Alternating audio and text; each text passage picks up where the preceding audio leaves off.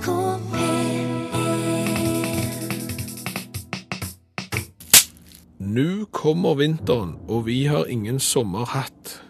Men hva skal vi med sommerhatt når vinteren kommer?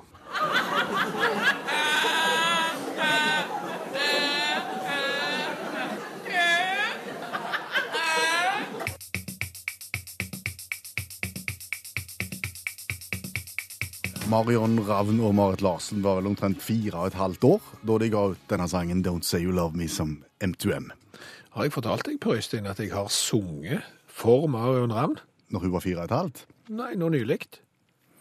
Du har ikke det, sa du? Har jeg? Nei, du tror at du har gjort det. Men jeg var til stede i samme lokale, og Marion Ravn forlot lokalet rett før du gikk på scenen. Veldig lei for å si det akkurat nå. Men dette er utakt i NRK P1, og vi skrur på det gode humøret. Hun hadde høy splitt. Det hadde hun òg. Filler òg. Ja ja, sånn er det. Og det gode humøret det skal vi prøve å bevare hele mandagskvelden, til tross for at vi får oss noen nedturer hist og her. Formålsparagrafen til utakt er å være godt selskap på mandagskvelden og skape godt humør. Ja. Og hvis du har lyst å bidra underveis, så når du oss enten via SMS 1987 og start meldingen med utakt, eller så kan du følge programmet på Facebook. Yes, Og det første spørsmålet fra meg til deg i kveld, Per Øystein, det er hvor mange stumme er der i verden? Aner ikke. Det er ingen som har svart på undersøkelsen. Nei, jeg aner ikke er det spørsmålet, det svaret jeg òg har. fordi at, og så kan du spørre hvorfor tar du opp dette her? Fordi at en blir rett og slett sittende en gjeng og diskutere stumhet. Åhå. Eh, Fordi at eh, vi har jo vært f.eks. i Syden, eh, vi har vært i storbyer som Oslo og, og Bergen, og, og blitt presentert stumme folk som kommer med en lapp og gjerne skal selge noe eller ber eh, om penger. Det, det hadde alle opplevd, men ingen hadde liksom opplevd at de kjente noen som kjente noen som var stumme. Altså ingen i omgangskretsen, du er på jobb, du, du er på skole, du har aldri møtt på en måte noen stumme. Nei. Så, så, så dermed ble vi sittende og diskutere hvor, hvor mange stumme er det egentlig.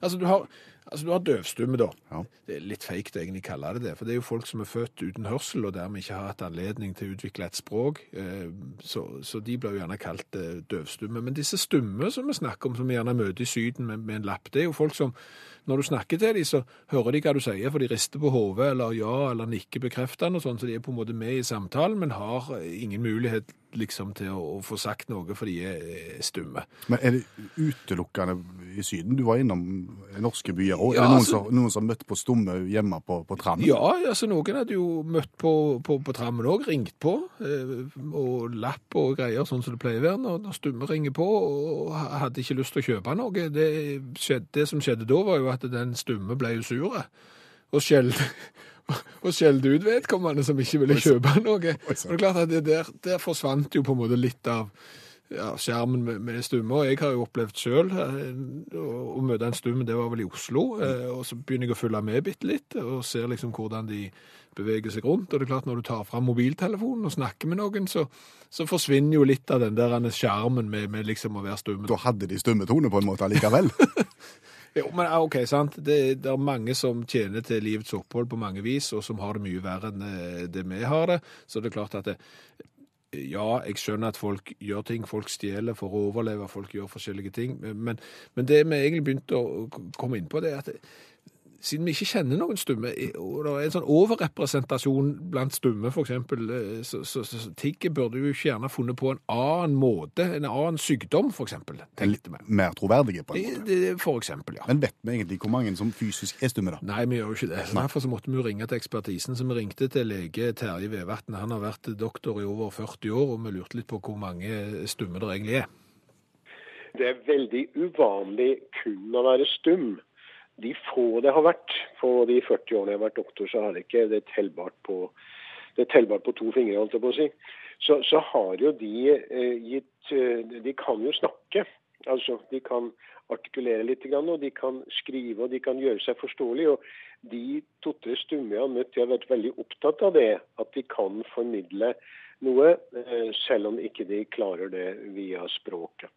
Så, så jeg må jo si som sant det at de som ikke kan formidle noe, og som påberoper seg stumhet, det tror jeg nærmer seg null, for å være helt ærlig. Men du har vel gjerne òg gjennom et langt liv opplevd å få eh, en lapp i hånda fra en som eh, er stum, og som gjerne vil ha noe penger. Er det overrasker at eh, folk velger stumhet liksom som lidelse å tigge på, at, at det ikke er andre lidelser som ligger mer til rette? Det er jo veldig vanskelig å avsløre at en er stum. Så, så, så stumhet er jo litt som en liten, en liten lur enn det. altså. Det er, men jeg har opplevd det akkurat det samme. så der, De kommer rundt med sånne lapper rundt omkring på restaurantene og skriver et eller annet medlem av De stummes forening eller noe et eller annet sånt. Så, så, det har jeg opplevd. Og, og min kone og jeg vi har jo snakket om det flere ganger. at det Der, der er jeg veldig undrende til. Jeg skal være litt skeptisk hvis vedkommende snakker i mobiltelefon rett etter han har snakket med deg. Ja, da, det, vil jeg, det vil jeg være veldig skeptisk til.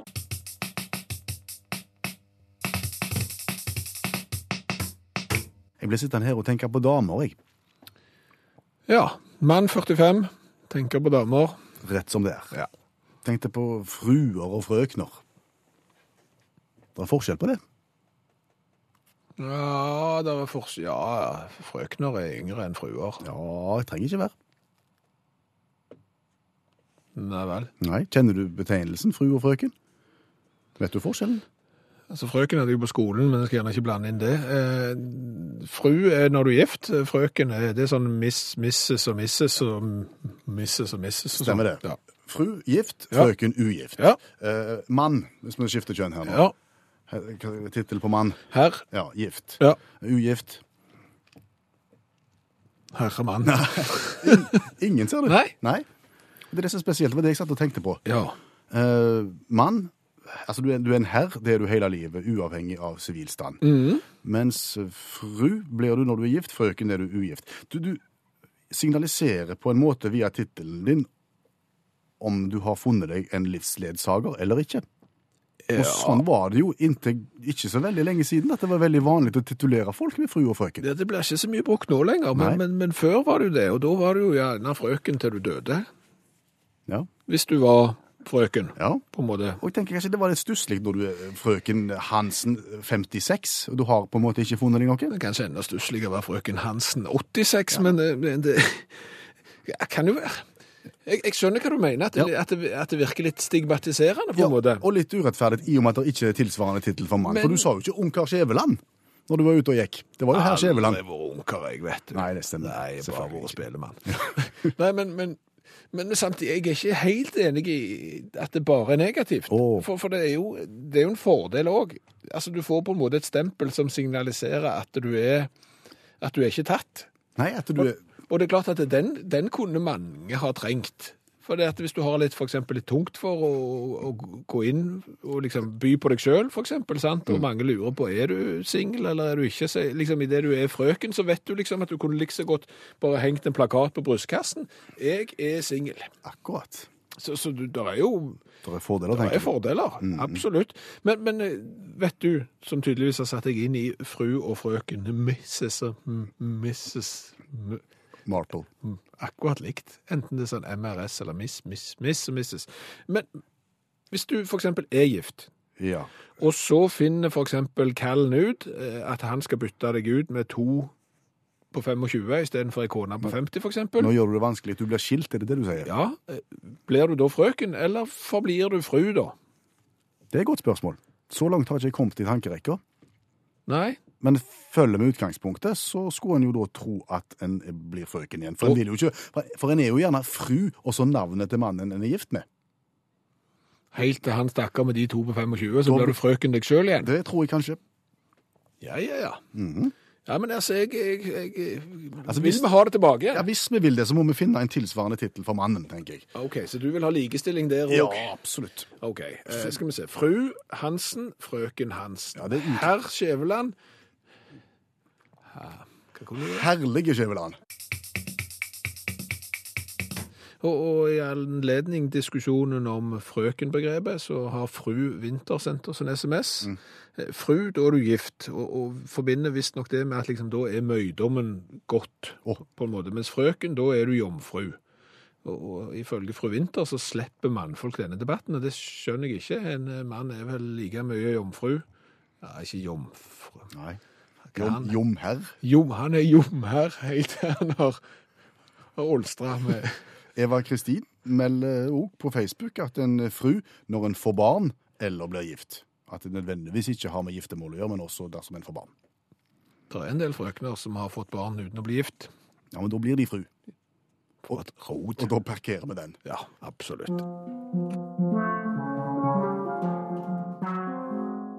Bare spør. Jeg skal svare. Hilsen Vebjørn, syv år. Nå skal vi ikke spørre sjuåringen om fru og frøken. Nei, vi skal ikke det. Vi skal spørre om noe helt annet. Vi skal spørre om et eh, spørsmål som er hyperaktuelt eh, hjemme hos svært mange akkurat nå. Vebjørn Sju er med oss hver eneste mandag. For deg som ikke har hørt Utakt, så skal du vite det. Og han svarer på spørsmål fra Utakt sine lyttere og, og øser av sin livsvisdom, som han har opparbeida i løpet av disse sju årene, og det er ikke rent lite. Nei, og spørsmålet i dag er rett og slett fra en ungdom sjøl. Oh. Hei, Vebjørn. Jeg går i niende klasse. Denne uka har jeg vært på besøk på videregående skole, og neste år må jeg bestemme meg for hva jeg skal søke på. Jeg har ingen klar tanke om eh, hva jeg vil, men kanskje du kan hjelpe. Dette spørsmålet tok jeg med hjem til Vebjørn.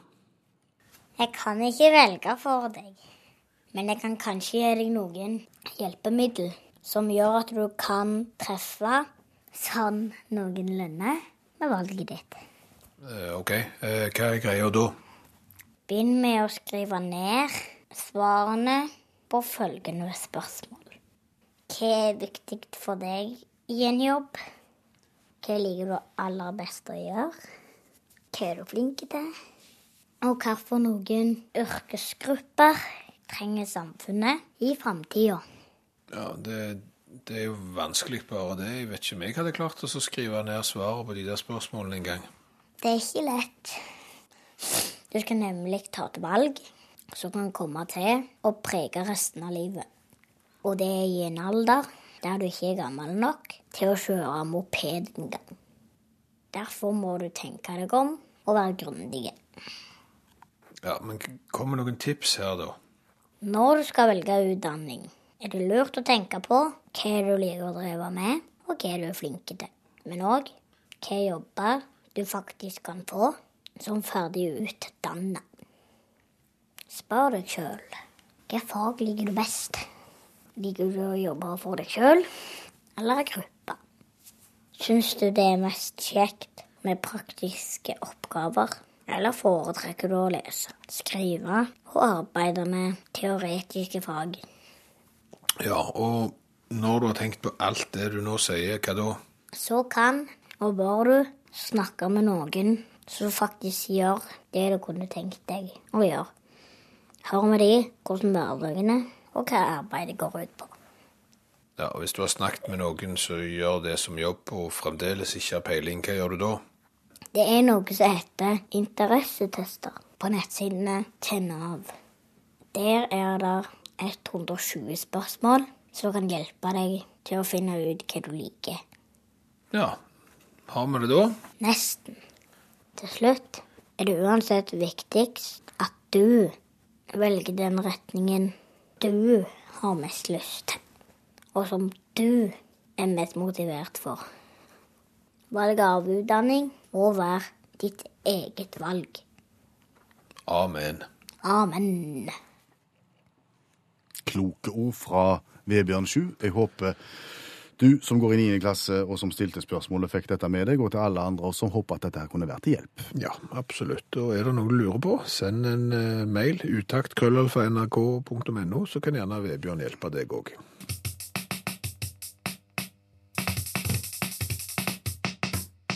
Fra tid til annen så dukker begrepene tenketank og tankesmie opp i nyhetene. Det er gjerne en eller annen representant for en tenketank eller en tankesmie som eh, kommer med et utsagn som mener noe i en eller annen sammenheng. Og det fikk oss til å tenke. Ja, hvordan jobber de i en tenketank? Eller Liksom når, eller, La oss si at pappa jobber i, i en tenketank, og så kommer han hjem og Hva har du gjort på jobb i dag, eh, pappa? Jeg skal tenke meg om. Eh, Nei, jeg kom på jobb, og så satte jeg meg ned, og så Skal vi se. Gi meg, gi meg fem minutter. Gi, ja, nå skal vi se. Ja Jeg tror Nei, det vet jeg da. Det Nei, så lunsj. så setter du deg ned igjen, og så Ja, det, dette er en tung dag i tanketanken, tenketanken, tenker jeg. Er det mulig det er enklere dager i tankesmia òg, der, der tankene flyter fritt? Det og- hamres og bankes og formes og dreies, Ja. og gode tanker tenkes. Det er mange tanke, tenk, og tankesmier i Norge. ja, det er jo det. Ja. Den som kanskje er vanligst, og du hører om i, i nyhetsbildet, det er Civita. Ja. Er det den konservative tankesmia Civita du snakker om nå? Nei, det var den konservative tankesmia Civita. Jeg tror det starta som det, men nå er det blitt den liberale. Eh, jeg vet ikke hvorfor de gikk vekk fra den konservative, for, for en konservativ eh, tenketank, det må vel være at vi stort sett er glad i de tankene som fantes før. Ja, det er kanskje litt tungt å jobbe med nye tanker i tenketanken, den konservative tenketanken. Det er sikkert bedre å jobbe da i en liberal tankesmie is- istedenfor. Men, men det er jo flere. Du har jo Agenda, en sentrum-venstre-tenkesmie, eksempel. Den- er jo bra. Ja. Eh, Minotenk, det er jo da en eh, minor- minoritetspolitisk tankesmie. Det- Så er det progressiv, sosialdemokratisk tankesmie, etablert i 2011, men nedlagt allerede i 2013. Da, de, da hadde de tenkt seg tomme, da. Ja, det er det. Da var tanken tom. Tanken var tom. De er gjerne knytta til politiske partier, politiske retninger, Ja. og skal jobbe da gjerne inn mot, mot næringsliv og, og politikk, og, og mene og, og foreslå ting. Ja, men, men, det jeg ville foreslå, Ja. hvis jeg hadde tenkt på det, hvis jeg hadde jobbet i en tankesmie eller en tenketank eller Ja. et eller annet, det var at vi kanskje satte oss ned og, og fant et annet ord. En tanke, tenketank og tankesmie. Ja. Ja. jeg kan du jobbe? Nei, jeg jobber i en sånn tenketank, sånn tankesmieopplegg. Herremann, altså. Kan du ikke kalle det dugnad, eller dra på hyttetur og Kalle for noe annet. gjøre et eller annet, være greie. Slagordet har vi uansett. Det er tanken som teller.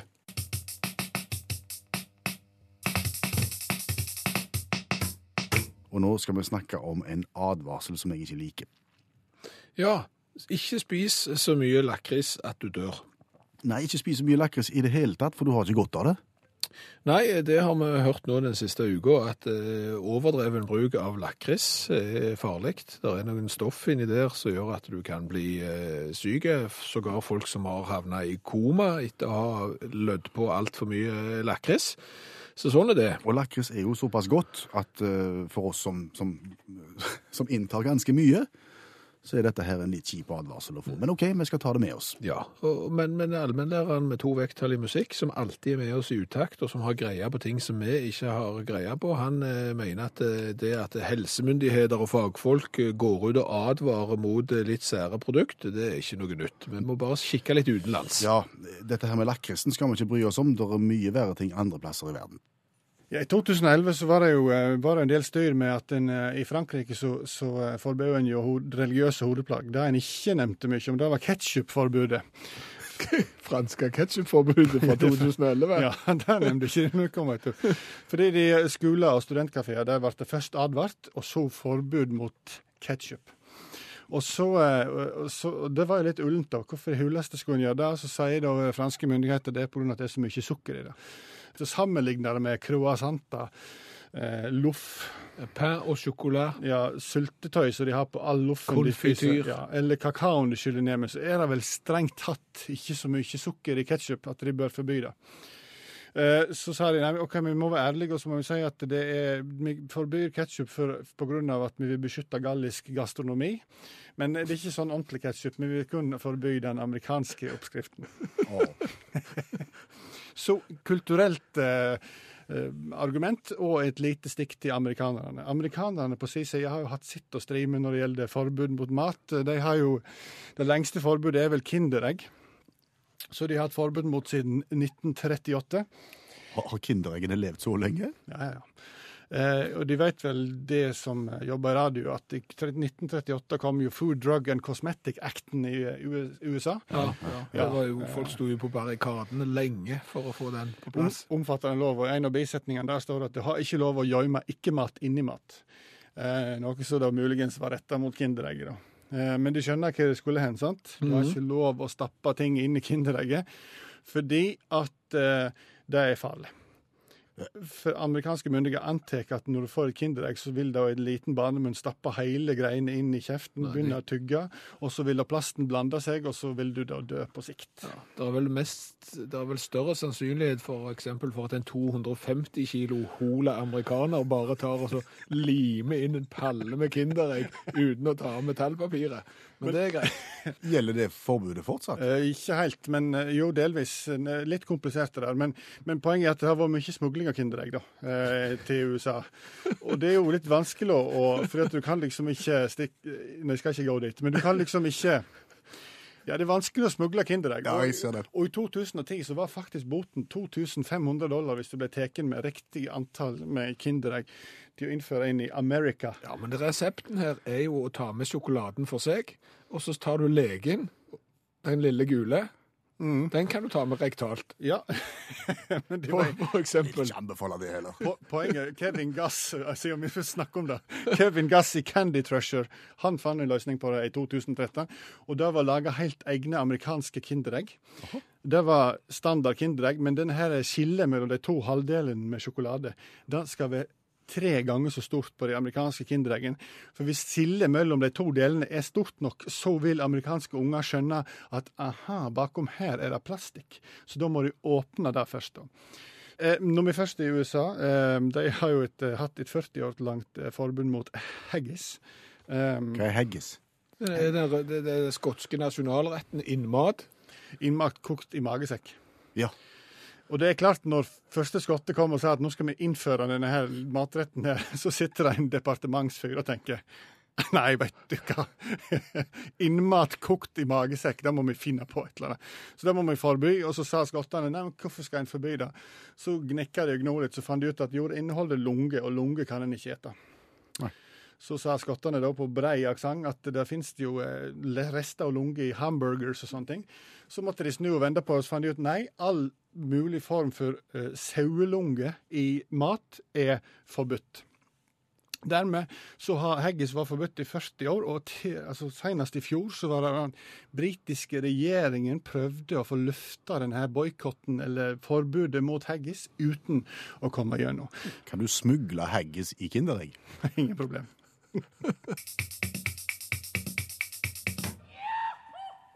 Og kveldens deltaker bor på Karl Johans gate Ja, i Halden. i Halden. Det fins Karl Johans gate i Halden også, Anne-Britt. Ja da, det kan jeg. Det er jeg et bevis på, hadde jeg nær sagt. Ja, Er det på en måte Paradegaten i Halden der òg, eller? Nei, det er vel heller en parallellgate. Parallellgate. Ja, vi har en stor gate her, nemlig. Akkurat. Det er bra. Eh, Kjenner du til konkurransekonseptet i utakt? Ja da, det gjør jeg. Eh, For de som ikke gjør det, skal vi ta en kjapp gjennomgang av reglementet. Ja, til deg som eh, ikke har hørt konkurransen før, da kan du angre, men når du får først får smaken på det, så vil du ikke ha noe annet. Eh, og reglene er som følger. Ei spørrebok fra 1975. Anne-Britt velger et tilfeldig sidetall og et tilfeldig spørsmål, og svarer hun rett, så får hun litt gladjodling, og svarer hun feil, så blir det litt grann tristjodling, men uansett så skal der ei T-skjorte til parallellgata til Storgata i Halden. Høres det greit ut? Er vi klar, Anne-Britt? Ja da, jeg er helt klar. Flott. Så godt. Da velger du ei side som du har lyst på.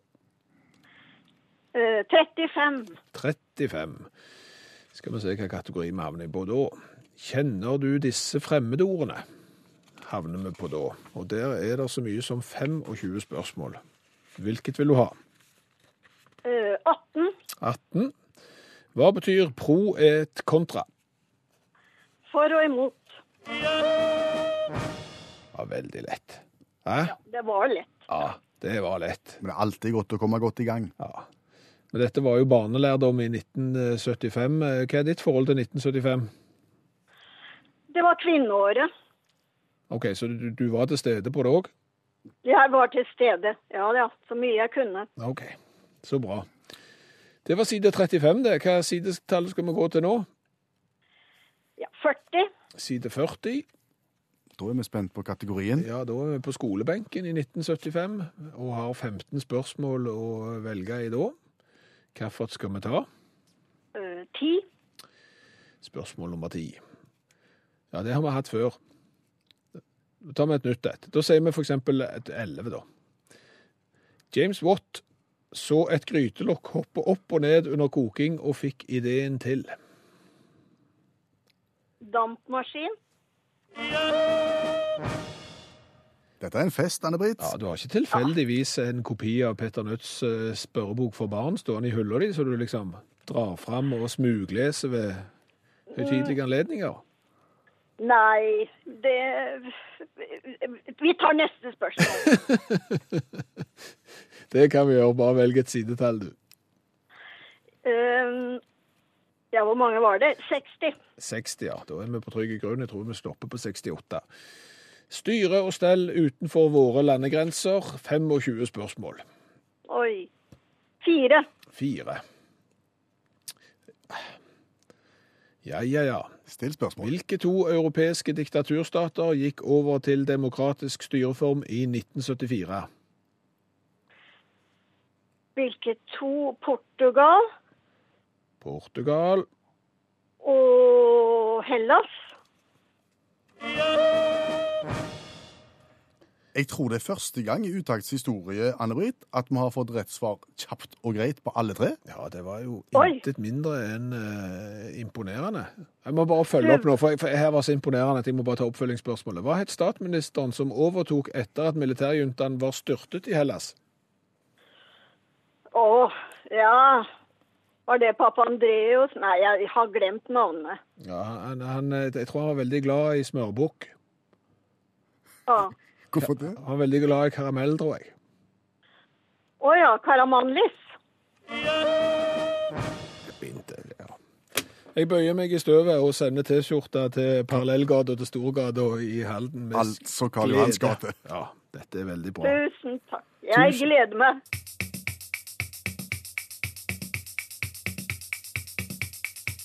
Og da, Skjæveland, tar vi fatt på kveldens eh, utgave av den store coladugnaden. Ja, Utakt tester cola fra hele verden, for er det et produkt som har spredd seg over den ganske verden, så er det jo Coca-Colaen, og alle land har minst et titalls egne versjoner av det amerikanske produktet.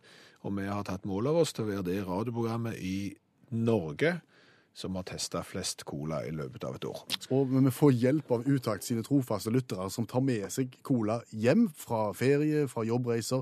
Vi får cola i posten. Jeg var nylig på postkontoret og henta en svær eske med, med flasker. Ja, fra Danmark var det. Ja, Per Magne var innom i døra her i forrige uke med en boks Ja. fra Japan. Ja, det er jo tydelig at en cola fra Japan må hete Los Angeles Cola. Så i kveld skal vi smake på Los Angeles Cola fra Japan, Ja. produsert av Sangaria. Sangaria. Ja, og de har egen hjemmeside. Ja. Eh, Den har jeg vært inne på. De har flotte bilder, og utover det så forstår jeg ingen verdens ting. Eh, De har, eh, et- de har melonbrus, Å. og de har denne Los Angeles-colaen, og det er en haug med andre ting, og det eneste som går an å tolke der, det er telefonnummeret. OK. Ellers så er det bare sånne rare tegn. Skulle vi egentlig bare smakt på den Yes, vi går i gang og åpner Sangaria sin eh, Los Angeles-cola. fra Japan. Ja. Og det vi gjør, det er at vi gir poeng både for smak og for det vi kaller kulhetsfaktor på boksen, eller flaska. Ja, for det er klart at det, der er jo mange anledninger der vi har eh, helt i oss og spist ting som ikke nødvendigvis er godt, men som eh, er ganske kult, og vi liker å bli assosierte med. Ja. Eh, Vi gir poeng fra én til ti nå, først på smak. La oss smake.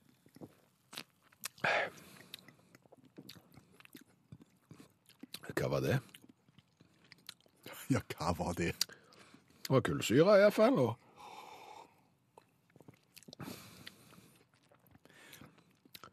Ja, ja. Veldig midt på treet. Liksom verken Ja. ingenting. Ingenting. Helt enige. Er Terningkast fem.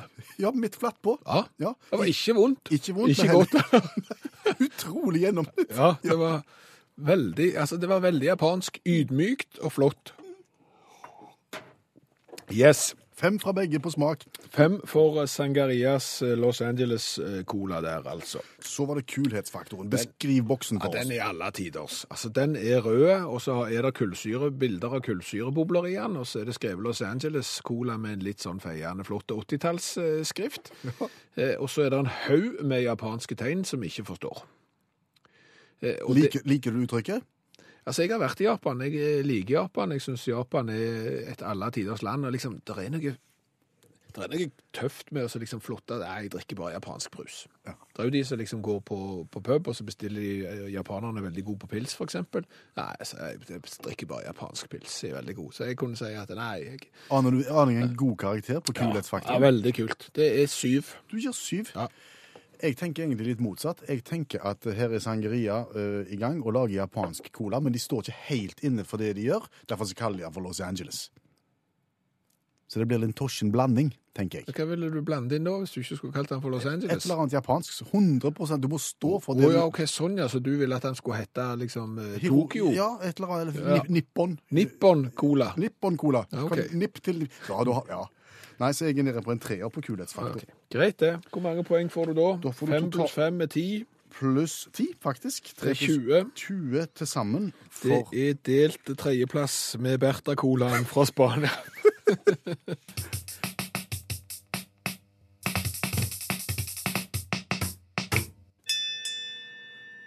Lykkens sol. Det ble feiret bryllup, og brudens mor skulle holde tale. Jeg håper lykkens sol vil skinne over dere, slik den har gjort på oss gjennom alle disse årene. Da lyder det fra brudens far. Da skal de neimen ikke bli solbrente.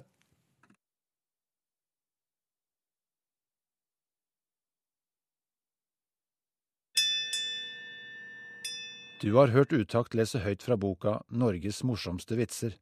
De beste vitsene fra NM i humor. Klokka er snart halv tolv, og det begynner å røyne på for en Henrik. Ja, det gjør det. Jeg har fått en melding fra Henrik som har sendt inn på Facebook-sida til Utakt, der han sier at det begynner å bli seint, har problemer med å holde seg våken og lurer på om det er mulig å få lyden av motorsag, sånn at han ikke sovner.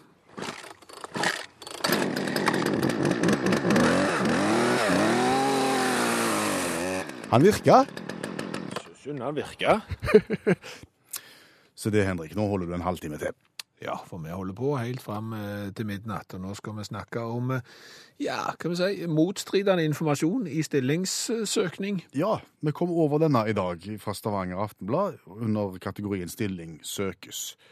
Overskrift intelligent, lite ambisiøs, godt utdannet voksen dame med lite arbeidserfaring ønsker rutinemessig og lite utfordrende arbeid. Dette er helt sant. Dette står å lese i, i bladet i dag. Intelligent, men lite ambisiøs, er altså overskriften. Ja, god til å lytte, jobber hardt, ekspert på å innhente informasjon, har erfaring med styrearbeid og undervisning. Ja. Hva, er det egentlig du vil? Det var det vi ble sittende og lure litt Ja. på med. Intelligent, lite ambisiøs. Vi kan jo begynne der. Ja, altså jeg må si at det er en overskrift som uh, fenger meg. For det første så er det jo ingenting som er verre enn de som er uintelligente og som er ambisiøse. Altså motsatt. Ja, Mm. Det er òg de som er intelligente og er veldig ambisiøse. De kan være litt vonde å svelge, de òg, av og til. Men, men Så kombinasjonen lite ambisiøs og intelligent mener du er helt tipp topp? Ja, altså da, da tenker jeg at her er det ei dame som eh, ikke nødvendigvis tenker at jeg må være på jobben i 240 timer i uka, ha ei hel side intervju i Dagens Næringsliv der eh, du forteller om hvor viktig det er for deg med kone og familie, og at du setter av den tida du, du har til det, Birken og andre ting. Her her er det. Dette jeg liker den overskriften. Greit. Godt utdannet, Ja, det liker vi. ja, men lite arbeidserfaring. Ja, hva betyr det? Nei, det tenker jeg jo litt på.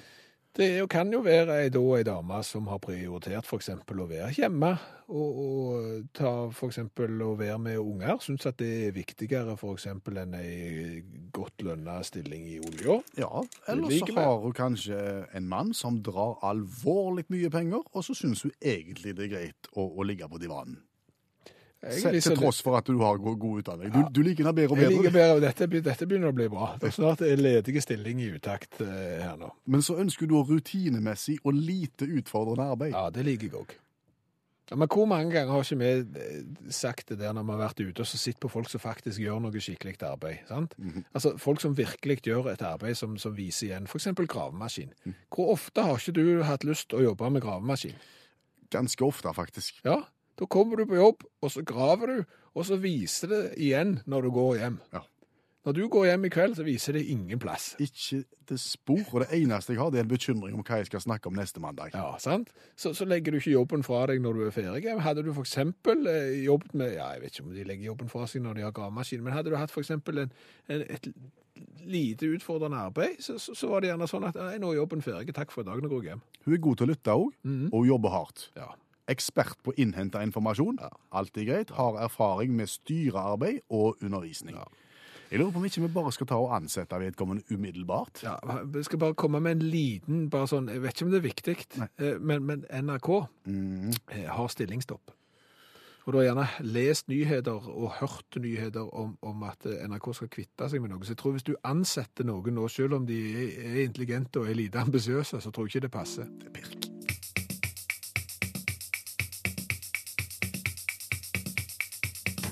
For en times tid siden så hadde vi vårt sedvanlige besøk av eh, allmennlærer Olav Hove. Allmennlæreren som har to vekttall i musikk. Og vi snakket da om matretter, eller matvarianter, som har blitt forbudt rundt omkring i verden. Ja, blant annet så var Kinderegg ikke lov å selge i USA, fordi at det var en lege inni.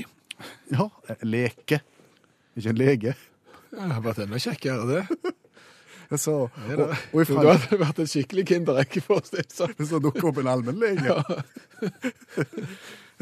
Ja, og så snakket vi om ketsjupforbudet som inntraff i Frankrike i en periode. Ja, absolutt. Men det allmennlæreren har eh, sett på, det er jo at det er andre ting, ting som ikke er spiselige, som har vært forbudt eh, rundt omkring i verden av ulike årsak. Opp gjennom historien. Helt sant. Og i nyere tid. Men hvis vi går tilbake til 1980-tallet så, eh, og, og landet Romania og sjarmøren Ceaucescu som regjerte da, han, eh, han forbød Scrabble i en periode. Hæ? Fordi Spillet Scrabble. Ja, for han var ikke så god i det sjøl. Nei, det var intellektuelt overstimulerende. Det var slett skadelig for hjernen. da. Eh, så det var forbudt i en liten periode. da. Eh, Folket gjorde opprør og avsatte han på en alt annen intellektuell måte. og... eh, og slik gikk det. Uh, skal vi gå til nyere tid, og uh, 2010 så skal vi til California. og Der var det en skole som heter Oak Meadows Elementary School. Der hadde de da selvfølgelig kjøpt inn uh, ordbok i Merriam Websters College Dictionary. Mest respekterte ordbok i USA, eh, for de som noterer. Eh, og der var det en liten tasseladd i fjerde klasse som gikk seg vill mellom ordet oralisme og orang, og kom over ordet oralsex. Oi sann. Noe som er helt håpløst. Eh, foreldrene reagerte med sjokk og vantro. Klagde dette her inn, og boki da, eh, denne, her, eh, denne ordboka ble forbudt. Så den mest respekterte ordboka ble tatt ut av skolen fordi han inneholdt ordet oralsex. Ja, og Merrifair Union School District, som da styrer skolesaker og ting der, de, de satte ned en komité der en skulle gå gjennom ord for ord i denne ordboka for å finne ut eh, Om det kunne være mer. Ja, 470 000 ord, de driver nok på enda. Og herre min hatt, eh, så mye vas.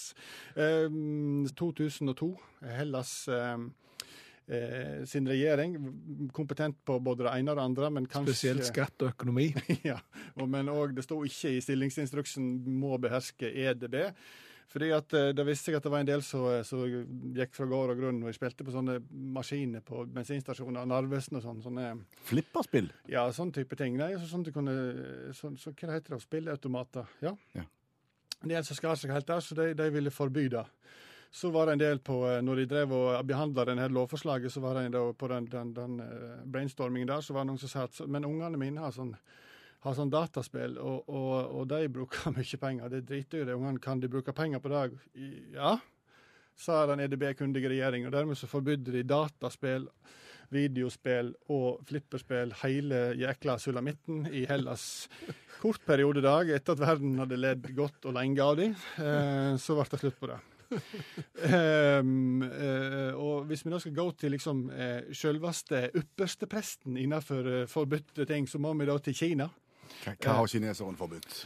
Kineserne forbudt? Hva har de ikke forbudt? Nei, Alt som kommer fra Vesten, har de forbudt. Ja, Derfor så tar vi året 2011, så slipper vi å ta så mye. Og I 2011 så forbydde Kina reinkarnasjon av tibetanske munker uten statlig godkjenning.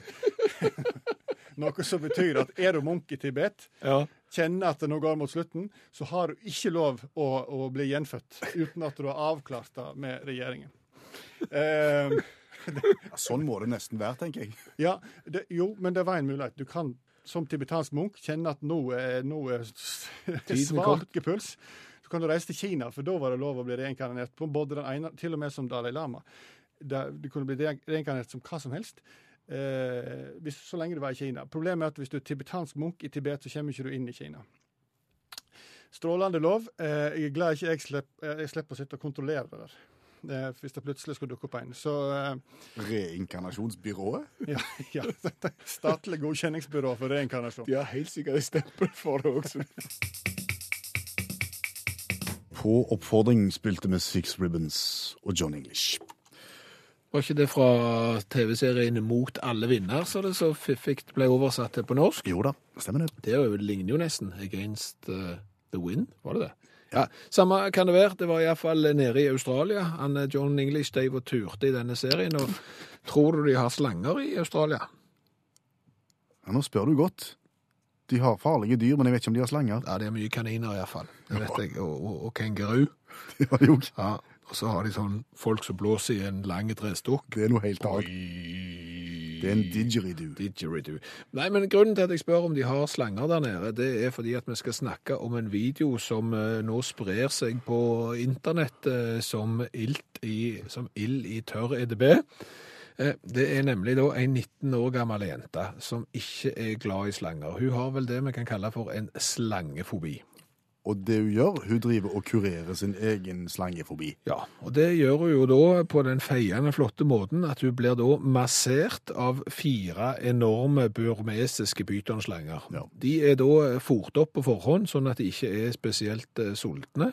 Eh, Så er det en dyrepark på Filippinene da, som tilbyr denne dyremassasjen for å bli kvitt fobien. Så legger de disse her enorme burmesiske pytonslangene rundt denne dama, og, og så skal de knege og gnure mot hun, og til slutt så, så syns hun at det er så greit at det da ikke redder slanger mer. Så effektivt. Så dumt. Ja, Det var to måter å se det på. Ja. Altså, jeg, jeg, jeg tenker det at eh, fobi eh, er gjerne ikke alltid kjekt å leve med. Men så er det vel gjerne sånn at det er en og annen fobi som det er lettere å leve med enn andre. Og, så er det vel en og annen fobi du nesten skal være glad for at du har. Ja, Sånn at du vil utvise en, en sunn skepsis til tilværelsen, tenk. Absolutt, der er du inne på det. For det er klart at hvis det er slanger som da er giftige, Ja. så er det jo mye greiere å være redd i enn å være eksempel kjempeglad i de. Jeg vil jo bare minne om hvordan det gikk, og nå er vi i Australia igjen, nede hos John English. Eh, Hvordan det gikk med han der han er dyrepasseren som var på TV, sant? Husker du han som, altså han, Han- stakk jo nasen sin borti alle farlige dyr i hele verden, og han var, hadde ingen fobi mot noen ting som helst. Nei. Og nå er det forbi. ja, bokstavelig talt, nå er det forbi med han. For han ble jo stukket av noe mirakels og død. sant? Det er trist. Men, men det er klart at han hatt en sunn skepsis og en sunn frykt mot ting. Så, så, så og liksom vende folk av med å være redde for livsfarlige slanger som er giftige og, og Nei, må være greie. Sant? Det er klart at hvis du f.eks. er flyvertinne og er redd for å fly, Da bør du gjøre noe med det. da bør du gjøre noe med det. Men eksempel hvis du aldri har tenkt å fly, så gjør det jo ikke noe om du har eh, fobi for å fly. Det er jo i det øyeblikket du flyr, det er dumt. Og det er klart at hvis du har, hvis du, altså, hvis du har fobi for å for eksempel henge ut fra rekkverk i 12. etasje på blokker, som jo der finnes sikkert folk som er veldig redde for. Da burde det bare være det. Ja, det er jo en sunn skepsis. Nå, tro, nå tror jeg vi har skjønt poenget ditt. Tror du det? Ja. Men det som er veldig greit, Øystein, det er jo at det er jo en norsk artist som har skrevet en sang om, Om det- nettopp dette, å sitte og snakke om fobier veldig seint på kvelden. Og apropos musikk, ansvarlig Skjæveland har funnet fram til nettopp denne sangen. Ja, det er Jan Eggum med en natt forbi. Ja, den er fin.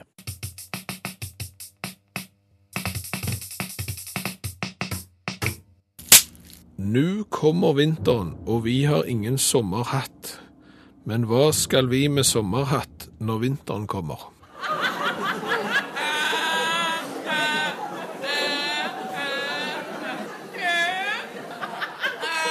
Hør flere podkaster på nrk.no podkast. NRK P1